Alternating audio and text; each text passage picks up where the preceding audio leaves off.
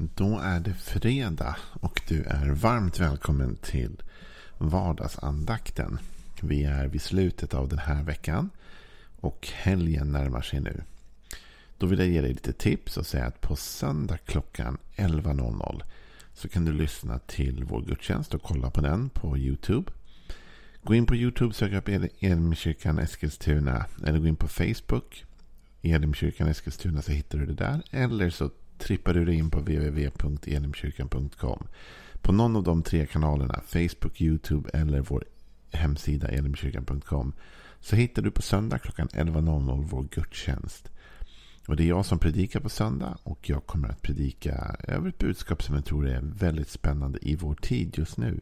Så missa inte det, det är något du inte vill missa.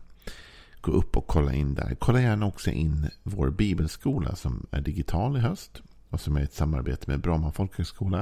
Om du går in på elimkyrkan.com kan du läsa mer om den där.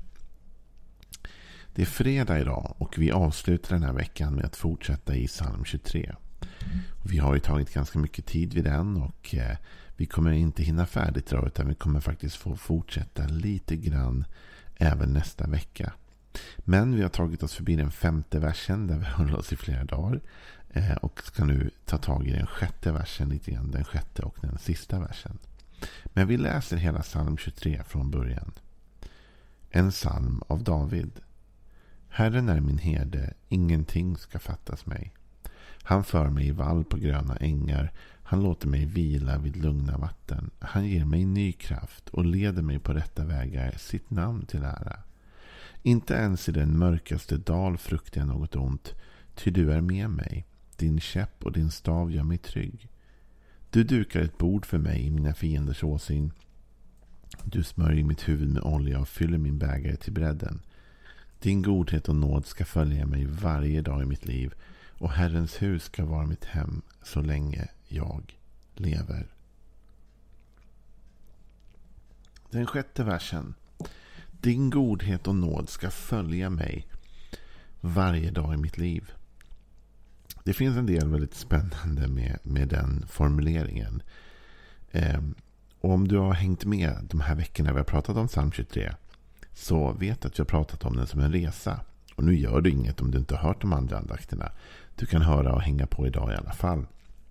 Men jag vill bara göra en liten recap och ändå säga att det har handlat lite grann om att livet är en resa och att vi lever i efterföljelse. Att vi vill komma på de rätta vägarna och att vi har en herde som leder oss. Därför att Bibeln beskriver oss som får. Och får har dåligt lokalsinne. Och Bibeln beskriver det som att, att alla tog sin egen väg och alla kom vilse och ingen mådde bra.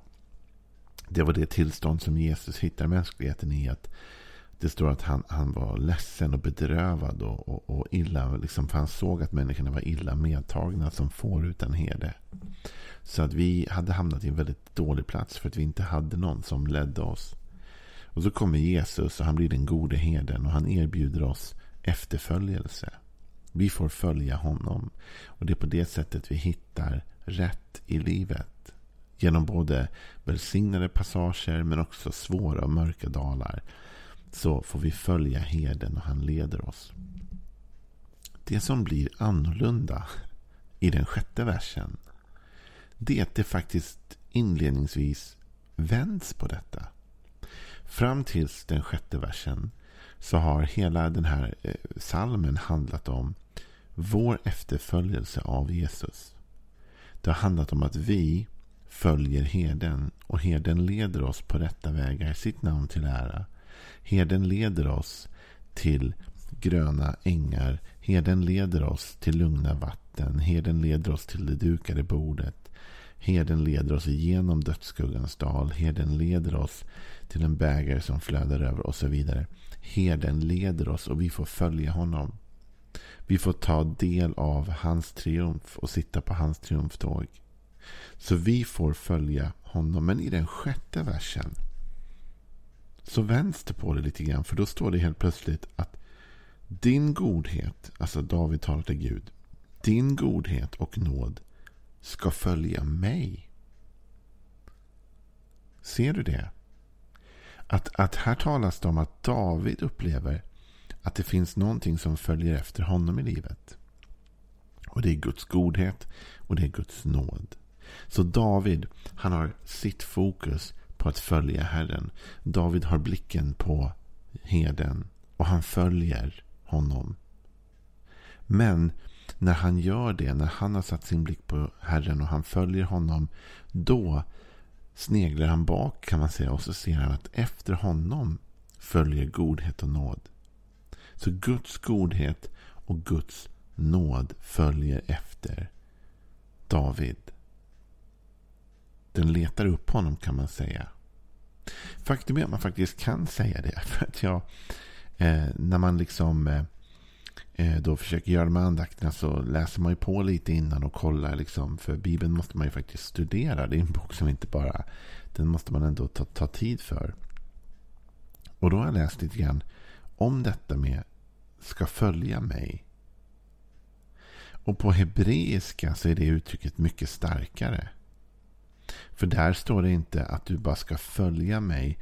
Svenskan är ett lite begränsat språk. Va? Men, men om man läser engelska översättningar så, så i princip alla engelska översättningar står det shall, äh, att på, på hebreiska då, så står det, eh, på, på, engelska står det shall follow me.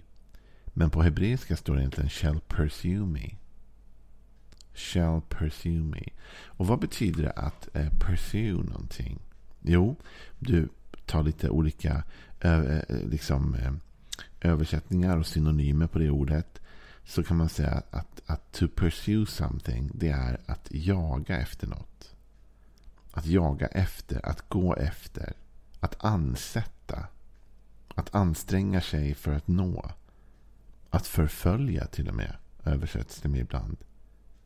Så tänk om du skulle nu med mig ta några av de orden och ersätta med här. För på hebreiska kan du faktiskt göra det.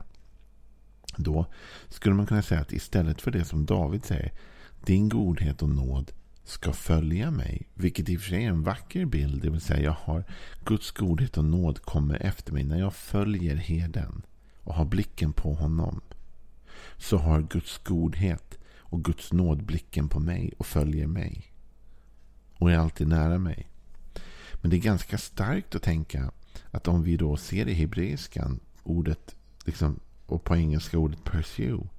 Så kan man säga så här att det betyder din godhet och nåd ska förfölja mig. Eller din godhet och nåd går efter mig. Din godhet och nåd jagar efter mig. Din godhet och nåd ansätter mig. Din godhet och nåd anstränger sig för att nå. Alltså den där formuleringen som jag hittar som en synonym här när vi går igenom de här orden. Anstränga sig att nå. Kan du tänka dig att du vet ofta när vi gör misstag så och vi gör dumma grejer och du kanske har gjort någon dum grej idag eller kommer göra någon dum grej idag eller, eller gjorde någon dum grej igår eller vad vet jag. Det är helt enkelt så att vi gör massa dumma grejer i livet. I alla fall jag, för att tala för mig själv. Då. Du kanske inte gör det. Men, men jag gör en del knasiga, dumma, eh, rent ut sagt eh, fel saker ibland i livet. Och då tänker man lätt så här, typ att nu när jag har gjort det här dumma och jag ångrar mig. Liksom, nu får jag sträcka mig efter Guds nåd. Man tänker liksom att nu får jag försöka sträcka mig ut och, och ropa till Gud och hoppas att han ska vara nådefull. Att liksom, och jag gör allt jag kan för att sträcka mig efter nåden. Men vet du en sak? Egentligen är det så att nåden sträcker sig efter oss. Nåden jagar efter oss. Nåden vill få tag i oss. Gud vill förlåta. Gud vill upprätta. Gud vill ge av sina goda gåvor. Gud är liksom, inte så att han dinglar nåd framför dig och du liksom försöker jaga efter den. Utan han jagar efter dig för att få ge dig nåd. Det är det här som är så konstigt. va? Att vi har det bakvända perspektivet. Att vi ofta tänker så här, om jag gör något dumt, alltså då kommer Gud jaga efter mig. om jag tabbar mig nu eller om jag håller på med knäppa grejer, då kommer Gud liksom, han kommer jaga efter mig. Ja, han kommer jaga efter dig med nåd. Han kommer jaga efter dig med godhet. Han är inte ute efter att liksom sätta dit dig. David säger din godhet och nåd ska förfölja mig. Ska jaga efter mig ansätta mig och anstränga sig för att nå mig. Din nåd och din godhet. Så tänk att Gud idag jagar efter dig för att få vara nådefull mot dig. Jagar efter dig för att få visa dig sin godhet. Och Det kanske inte känns så. Och du kanske inte ens upplever dig själv vara någon värd att jagas efter. Är det inte otroligt? Att Gud jagar efter oss. Han vill så gärna ha vår relation och vår gemenskap. Att han jagar efter oss. Han anstränger sig för att nå oss. Man kan till och med säga att Gud på ett sätt förföljer oss. Men inte i negativ mening. Förföljelse är ju ofta ett liksom negativt laddat ord. Men, men inte i negativ mening. Utan mer i liksom Gud jagar så mycket efter oss. va? Han följer efter. Han längtar. Han söker. Han aktivt försöker nå oss med sin nåd och med sin godhet.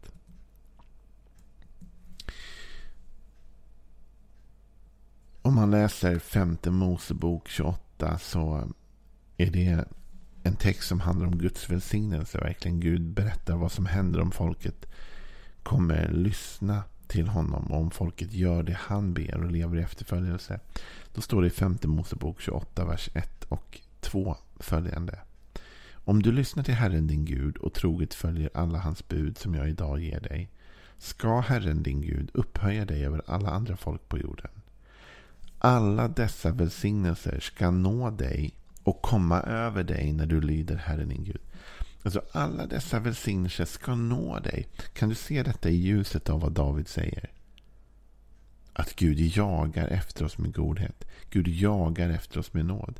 Alla dessa välsignelser ska nå dig. De kommer komma fram till dig. De kommer få tag i dig. De kommer överta dig, ansätta dig. De kommer att nå dig. Allt detta goda när vi lyder Herren vår Gud. Man kan säga så här, när vi lever i efterföljelse så aktiveras någonting av välsignelse och godhet och nåd. Så vår uppgift är att följa efter heden. Och när vi börjar följa efter heden, när vi sätter vår blick på Jesus och när vi försöker leva vårt liv i efterföljelse till honom. Då, helt plötsligt, kommer vi uppleva att nåd och godhet jagar efter oss. Alltså. Det jagar efter oss.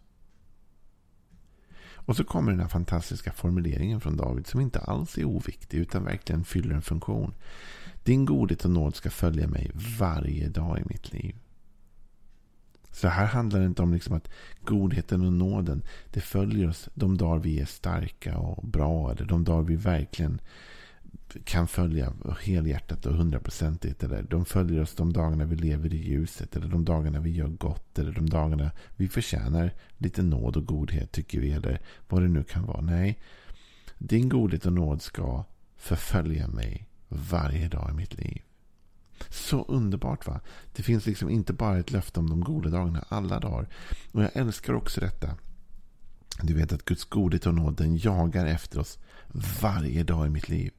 Kan du tänka dig att Gud med sån intensitet söker efter att få ge dig nåd och godhet? Att han inte stannar upp ens en enda dag.